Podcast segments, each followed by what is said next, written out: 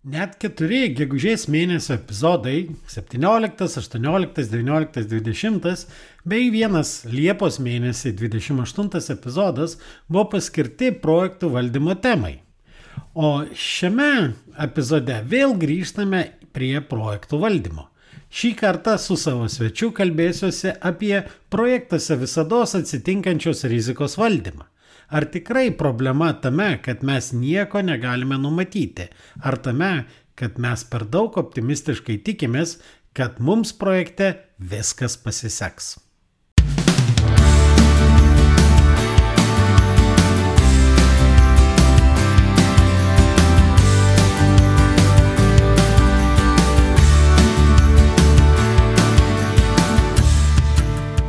Sveiki, jūs klausotės podkasto Nuo amato prie verslo, kuriame tikima, kad verslas turi būti pajamų, pasiekimų ir pasitenkinimo šaltinis, o ne tik kelti stresą ir deginti laiką.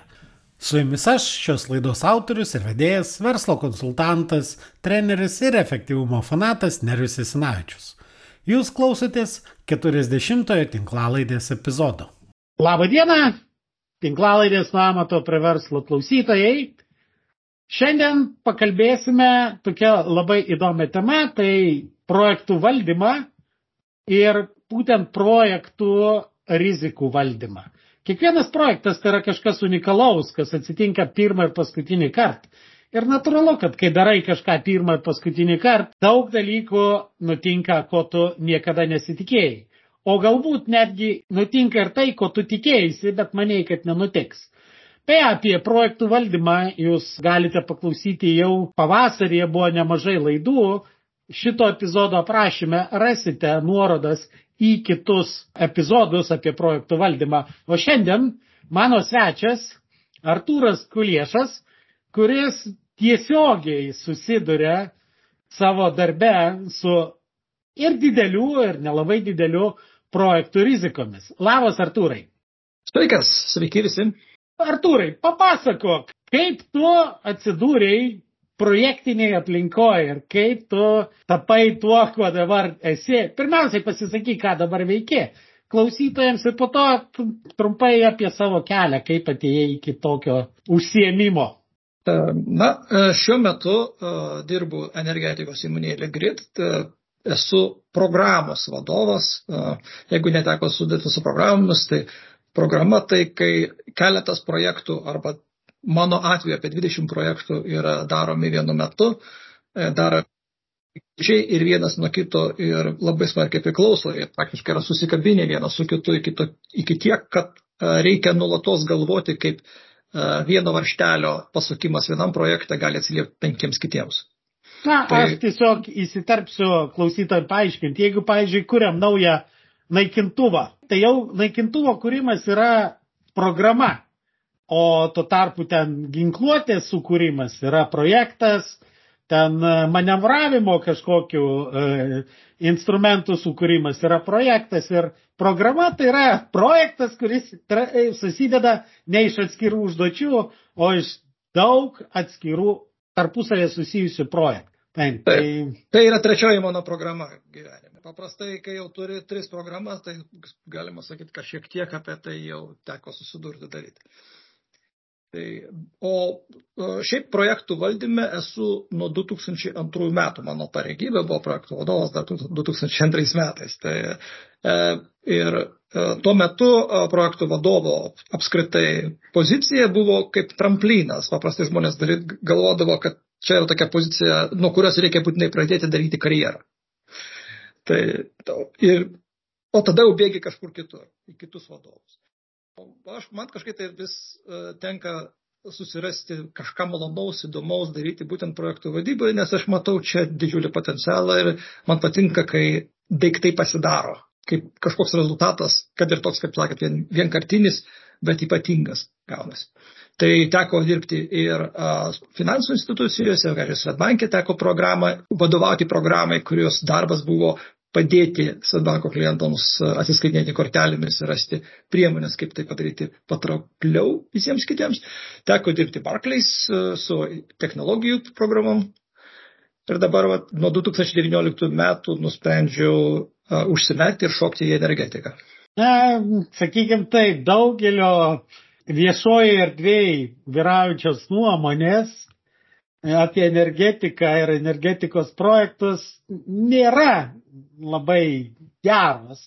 Bet kadangi pačiam tenka susidurti ir teko susidurti su, sakykime, energetiniais projektais ir apskritai su toj, kas vyksta didelėse, dideliuose versluose ir kokia yra vieša opinija, tai manęs nestebina. Ir tai, kad žmonės dauguma net neįsivaizduoja, kad, kad tai, su kuo susiduria labai dideli projektai, energetikos projektai ir kiti, ir tai, ką žmonės mato, tai, na, nu, todėl nelabai keista, kad net labai stengiantis ir darant gerai tokius projektus viešojo opinijoje gero, gero atsiliepimo nelabai tikėkis. Nėra maža paslaptis, kad e, kaip ir statybose, taip ir energetikoje, tiek ir inžinieriai apskritai kuo didesnis projektas, tuo kompleksiškesnis jis yra. Ir čia mes jau galim šokti tą klausimą, apie kurį mes norėtume kalbėti, apie rizikas. Tai kad kai, jeigu tarkime, IT man tekdavo turėti reikalų su projektais, kurie trunka iki trijų metų, tai buvo labai ilgas projektas, tai energetikoje penkis ar šešis metus vykstantis projektas tai yra dar pakankamai norma. Vien tik tai teritorijų planavimas, pavas, tai yra poveikia aplinkai vertinimas, pačiom geriausiam sąlygom tai jau suvalgo nuo 2-4 metų. Tai kai susiplanuoja viską, tai ir, ir jeigu projektas yra kompleksinis, mes patenkame tokią įdomią situaciją, kad praktiškai pradžioje visų faktorių net neįmanoma suprognozuoti. Mes tiesiog turime žinoti, kad kokie jie bus. Ir čia yra problema. Tai reiškia, mes, kad ir paprastas dalykas, mes norime nutiesti liniją, mes susidurime su situacija, kad toje vietoje gali būti kokie nors archeologiniai radiniai. O archeologinių radinių paieška, nu, tai yra vienas iš tokių dalykų, kuriuos reikia padaryti. Bet tu iš karto jau žinai, kad jeigu taip atsitiks, tai jau reikia įplanuoti, kad kažkas užtruks, kažkas bus daroma kitaip, kažkur potencialiai gali atsirasti vėlimas ir priklausomai nuo to, kokio dydžio tas archeologinis radinys, ar jis vertingas, tas užtrukimas gali būti arba a, du mėnesiai, arba dviejai metai. Ir su tuo tenka gyventi. Tam tikros aplinkybės yra neišvengiamos. Ir a, paimkime a, objektyves rizikas, kur, su kuriuom tekdavo susidurti, tai praktiškai viską, ką mes galim pavadinti juodosiam gulbėm per paskutinius trejus metus, energetikos projektams buvo svarbu. Tiek COVID, tiek karas, tiek konteinerių laivas užstrigęs Sueco kanale.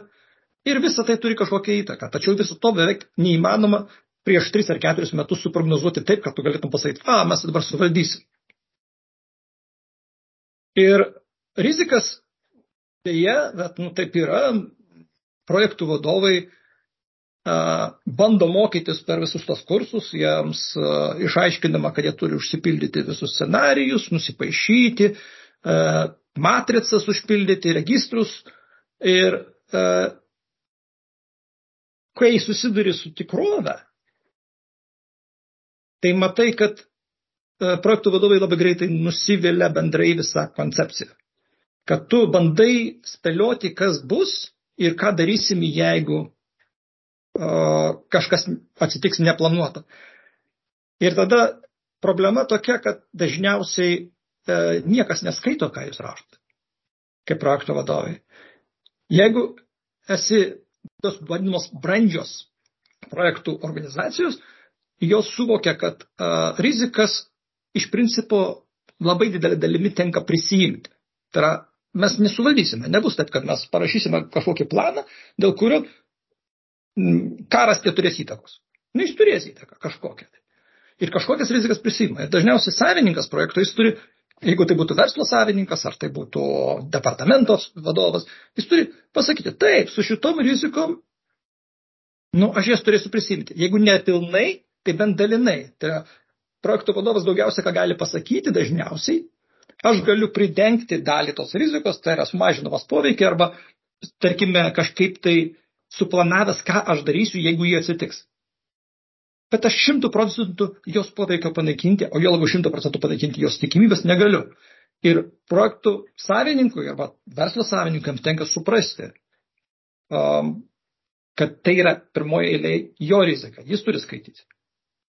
Ir vienas iš dalykų, kur, kodėl man patinka dirbti brandžiose organizacijose, kad tas vienai per kitaip yra suvokiama ir yra procesas aplink tai. Jeigu jūs dirbate vidutiniam ar smulkiam versle, tai realiai tas visas svoris tenka verslo savininkui.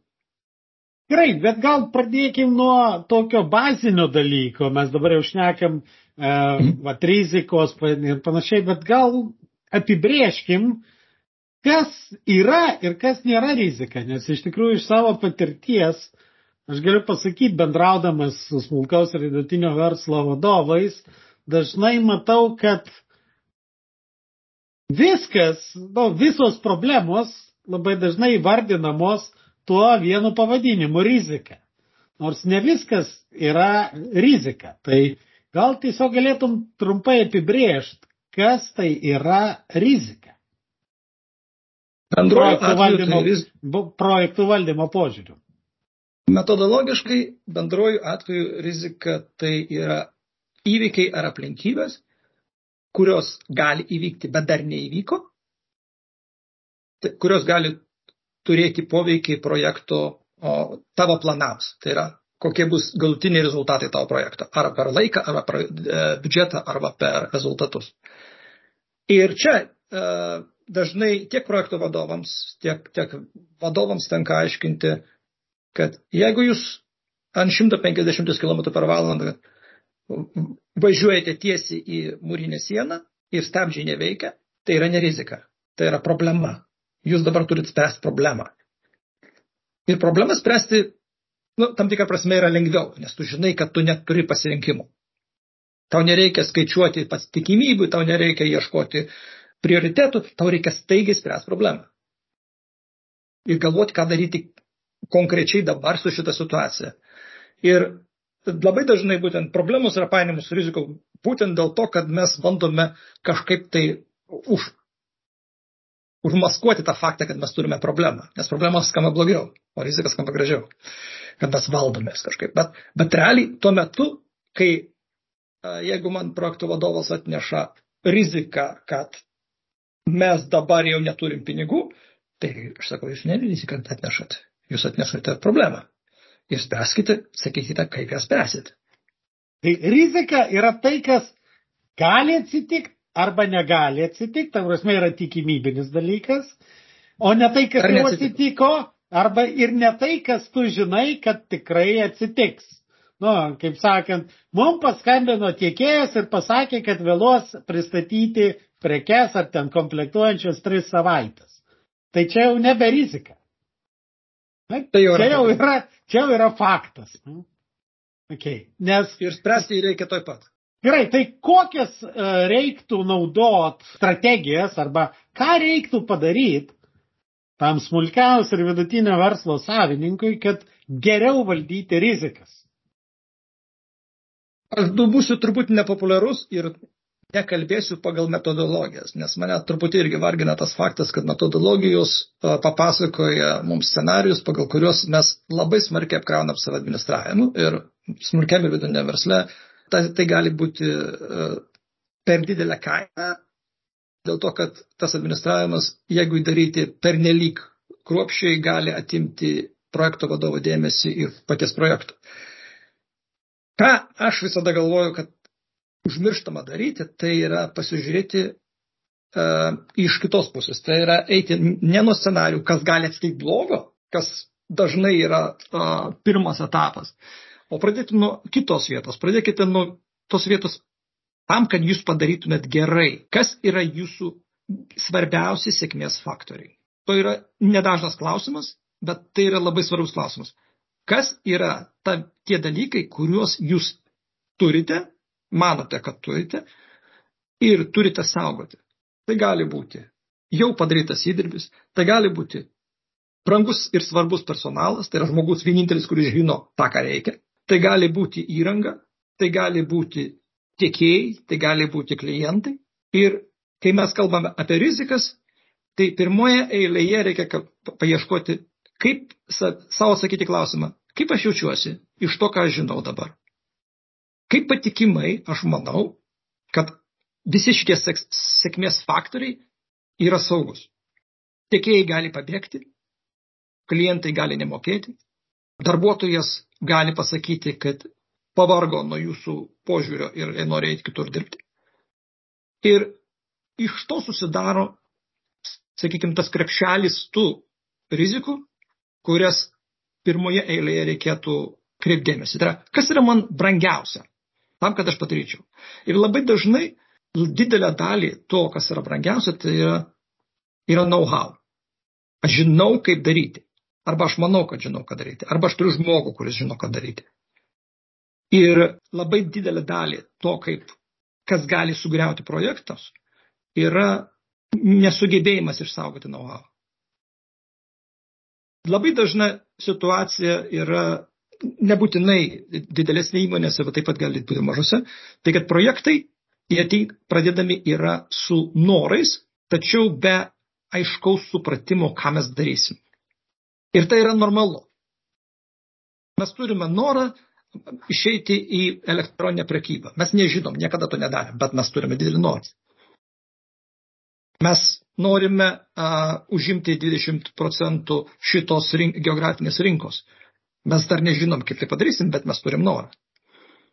Ir dažnai va šitoje vietoje būtina yra pasiklausti savęs, kaip aš galiu padaryti tą supratimą, kaip aš tą darysiu, labiau apčiuopiamą. Nes problemos, kurios dažnos, dažniausiai atsitinka ir dažniausiai suvalgo projektus iš vidaus, yra tai, kad mes atidedam mūsų sužinojimą, ką mes vis dėlto darysim. Tai būna dėl to, kad mes neturim žmonių, kurie iš tikrųjų žino, kurie tai darė. Mes sprendžiame tas problemas, kurios mums atrodo dabar, va šiuo metu reikalingos, bet jos neatsako į klausimą, tik vis dėlto, kaip, kaip mes tą padarysim. Ir paprastai mes pradedam priklausyti nuo tiekėjų arba nuo klientų, kurių mes e, negalim išlaikyti. Tai vienas iš dalykų, kuris iš karto yra rizikos priemonė, kuri apsės jums be matricų registrų ir panašiai, tai yra įsigilinti, kiek galima anksčiau, netidedant, tai kaip iki detalių mes įgyveninsim projektą. Kuo mažiau, kuo mažiau mes suprantame apie tai, kad mes įgyveninsim projektą, tuo didesnė rizika mes stumėme į galą. Ir galbūt mes darome kažką, kas šiam momentui atrodo, kad taip iš eilės reikėtų daryti, bet mes turime suprasti, kad yra daug dalykų, kurių mes nesuprasime, kai jie bus labai brangus. Todėl mums reikėtų pabandyti suprasti arba padaryti tą proof of concept. Kaip padaryti? Dažnai, dažnai tai reiškia, kad padaryti kažkokį prototipą. Vienaip ar kitaip. Jeigu mes norime uh, padaryti svetainę arba informacinę sistemą, padarykit prototipą už mažus pinigus, su mažu funkcionalumu, bet tokį, kuriame matosi, ką mes blogai supratom. Jeigu mes norime padaryti kažkokį tai inžinierinį projektą, padarykit studiją, padarykite skaitmenį dvynį, kuris leidžia pažaisti ir įvertinti, ką mes blogai padarėm. Nes kai mes pastatysime tą, įdėsime į metalą, bet kokia klaida kainuos dešimt kartų brangiau.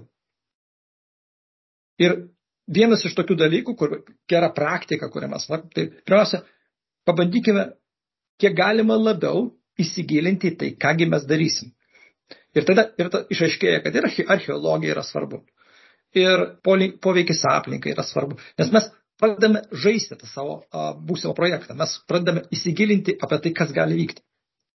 O tai yra labai svarbus faktorius. Vadovai turėtų skatinti į visų įsitraukimą į tą žaidimą. Ir kuo, tai yra pigiausia dalis projekto. Ja, padaryti bet, prototipą. Tai jeigu aš teisingai išgirdau, tai pirmiausiai reikia atsisės ir pasakyti, okei, okay, tai yra projektas, jame kažkas gali nesigauti. Tikrai. Ir tada pradėti nu, išanalizuoti, jo labiau, kad Jeigu tu darai kažką pirmą kartą, labai tikėtina, ypač jeigu mes šnekam apie smulkaus ir vidutinio verslo projektus, dauguma projektų, kurios daro tokie verslai jau kažkas kažką panašaus darė. Taip, reiktų pas juos pasiklaust, pas tuos, kurie darė, kokios buvo problemos. Arba, arba nusipirkti žmogų, kuris tai darė. Arba nusipirkti. Tai yra be galo didelis e, pliusas projektui, tai yra žmogus, kuris žino, kaip daryti. Arba bent jau išsinuomot, tai ta prasme jį nebūtinai priimti į darbą, o, nu, pasiimti. Nes tiesiog kalbant apie rizikas, šalia mano namų vyksta remontas čia, slut, e, šitas, pa, pan, panerių gatvę remontuoja. Ir projektas buvo rimtai užstrigęs, todėl kad netikėtai išlindo, kad archeologija yra bėda. Bet mano, nu, man tai atrodo keista, nes čia keli šimtai metrų nuo Gedimino kalno vyksta žemės darbam. Tikėtis, kad nebus archeologinių netikėtumų, nu, yra saliginai naivu, nes, nu, visai šalia. Bet kadangi irgi tekant dirbti su archeologinė tyrimų viena įmonė, tai jie sako, kad labai daugeliu klientų archeologiniai atradimai yra tokie visiškai netikėti surprizas, nors tai, sako, jau trečią kartą daro panašų projektą ir kiekvieną kartą įvyksta ta mėgstama frazė. Niekada to nebuvo, bet ir vėl. Šitoje vietoje svarbus e, akcentas yra toks. Jeigu jūs samdote gerą projekto vadovą su patirtim, na, jis būtų labai keista, kad jis nepastebėtų ir nepaklaustų savęs pačioje pradžioje, kas gali būti, jeigu bus archeologija. Lygiai taip pat su poveikiu aplinkai vertinimu, lygiai taip pat su dirbos užterštumu, kuris gali išmušti projektą iš vežių keliams metams. Bet tai turi žmogus žinoti, tą turėti patirtį. turėti. Tai labai svarbus yra kriterijus. Naujokas projekto vadovas gali žinoti visas metodologijas, bet kartais yra tiesiog sunku dėl kom, pro, komandos komunikacijos ar dėl to būtent bendravimo stokos iš pat pradžių sužinoti, kas gali būti blogo iš komandos, netgi jeigu ten yra techninių ekspertų, kurie su to susidūrė. Ir projekto vadovo patirtis ir sugebėjimas ištraukti tą informaciją yra labai didelis pliusas sėkmės užtikrinimui. Kuo anksčiau jūs tą sužinot, tuo anksčiau jūs galite susiplanuoti, ką darysit.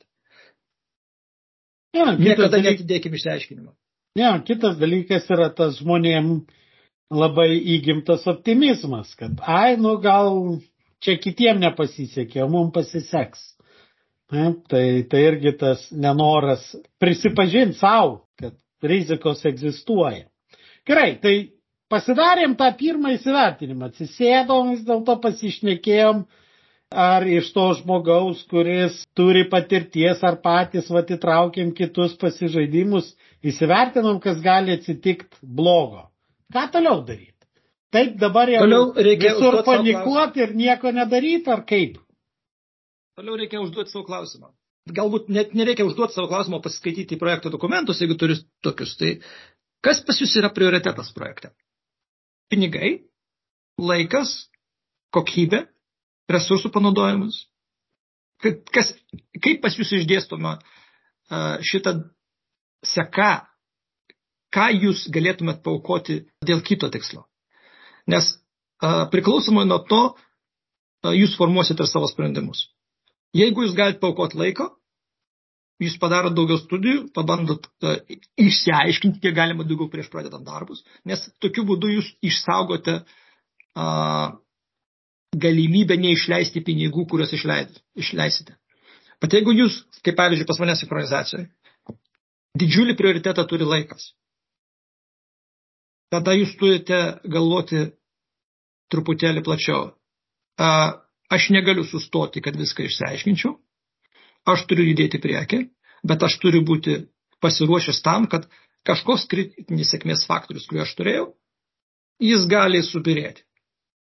Kaip, ir, ir dažnai metodai, kaip uh, išvengti šitoje vietoje to, kad projektas sugrius, e, susiveda į tai, kad reikia galbūt truputėlį daugiau pamokėti, suskaldyti darbus, prisimti mažes, e, e, daugiau e, rangovų, tai yra paimti, pavyzdžiui, vieną atsarginį rangovą arba, arba tiekėją, padalinti apimtis, kiek galima eiti mažesniais kiekiais, kad galėtum užsifiksuoti, kad yra progresas, padaryta nauda yra pasiekta ir ją kažkaip tai realizuoti, tam, kad vertė ateitų kiek galima anksčiau, žinant, kad visko galbūt tai nepavyks padaryti. Tai labai svarbu atsakyti tą klausimą savo. Kas man svarbiau - pinigai ar laikas? Ar kokybė? Tada atitinkamai tavo sprendimai bus formuojami ir aš tik mielai, jeigu būtų proga, eičiau daugiau į detalės šito klausimu. Tavo sprendimai gali būti formuojami pagal tai, kas yra tavo prioritetas. Kaip mano programuotojai, aš kažkada, kai dirbau IT sektoriai ir vadovavau programuotojų centrui, programavimo centrui, tai programuotojai pas save ant durų buvo pasikabinę tokį skelbimą. Darom greitai, pigiai, kokybiškai. Pasirinkti vieną iš trijų. Na, tai iš tikrųjų, tu turi aiškiai suprast, kas tau yra svarbu, o kiti du dalykai, taip, jie irgi yra labai svarbus, bet juose turi būti tam tikras rezervas, tam, kad tu savo pagrindinį prioritetą galėtum pasiekti. Kartais rezervų reikia netgi paimti dvigubai. Kaip, nu, a, iš principo, ar žinote, kad iš principo vieno variklio lėktuvų užtenka. Bendrai paėmus, galima išskristi ir nusileisti. Bet skrendamas su vienu yra priežastis. Taip pat su ypatingai svarbiais a, laikui projektais irgi yra aktualu. Mes turime būti pasiruošę tam, kad kažkokį kritinį sėkmės faktorių prarasim. Ar tai būtų žmogus, ar tai būtų tiekėjas, ar tai būtų technologija. Ir kartais taip apsimoka primokėti už tai. Ir dirbti keliam kryptim. Ta pati labai kritinė Apollo programa dirbo keliam kryptim. Nesudėjo visų kiaušinių į vieną krepšelį. Taip, apskritai, jeigu kalbam apie projektų valdymą, vienas iš tokių, nesiniai mano išgirstų projektinio, taip sakant, skirtumo nuo procesinės aplinkos yra tai, kad iš esmės projektinėje aplinkoje greitis dažniausiai yra daug svarbesnis negu efektyvus resursų išnaudojimas. Nes greitai padarydamas tu gauni daug didesnę naudą, negu kažkiek sutaupęs ant to efektyvesnio resursų išnaudojimo.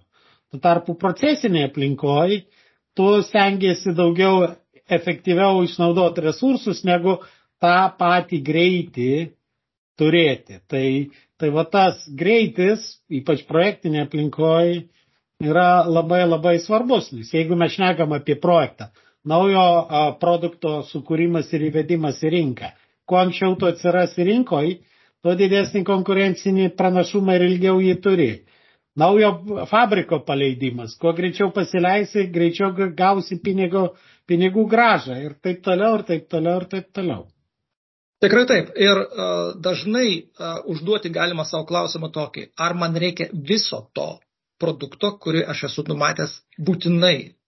Ar aš nelaimėčiau kažko, išleidęs dalį to produkto su mažesniu funkcionalumu ir mažesniam uh, sąnaudom, bet anksčiau. Uh, tam, kad iš vienos pusės vertė būtų įsisavina anksčiau. Ir antras dalykas, kad klaidos, kurios įvyktų ir problemos, kurios atsirastų, darant didelį produktą, neturėtų įtakos. Nes tuo metu, kol mes dar taisom kažką tai iš didelio produkto, mes jau galim paleidę mažesnį. Ir tai tokiu būdu vertę mes gauname anksčiau, rizikos izoliuotos, mes prie jų galim dirbti atskirai, neįtakodami to, kas jau padaryta. Sudalinti projektą į dalis taip, kad jos viena dalis kitai netrukdytų, arba, kas irgi labai svarbu pas mane programoje, atkabinti sąsajas tarp projektų yra labai svarbi dalis. Dėl to, kad tokiu būdu sumažinama rizika, kad viena dalis sustojusi sustabdys viską.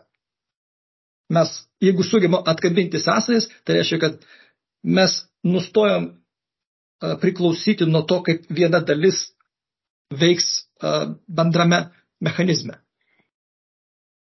Taip, nes vėlgi ir kritinės grandinės metodikai mes šnekam, kad vienas iš didžiausių dalykų, kurį neįvertina, planuodami projektų vadovai, tai yra užduočių arba projektų tarpusavio priklausomumas. Kai suveikia tas domino efektas, kažkur kažkas įvyko rizika pasireiškė, tau vėlavimas ir tau pro to pradeda stumti. Tai va tas irgi atkabinimas, tam tikro rezervo įsidėjimas leidžia išvengti to domino efekto. Labai svarbu, sutinku. Gerai, kadangi mūsų vis tiek riboja šiek tiek formatas, apie rizikų valdymą aš manau, kad čia būtų galima daug ilgai išnekėti ir, ir tai yra nu, labai svarbi tema ir aktuali tema, bet mes turim čia tą pusvalandį.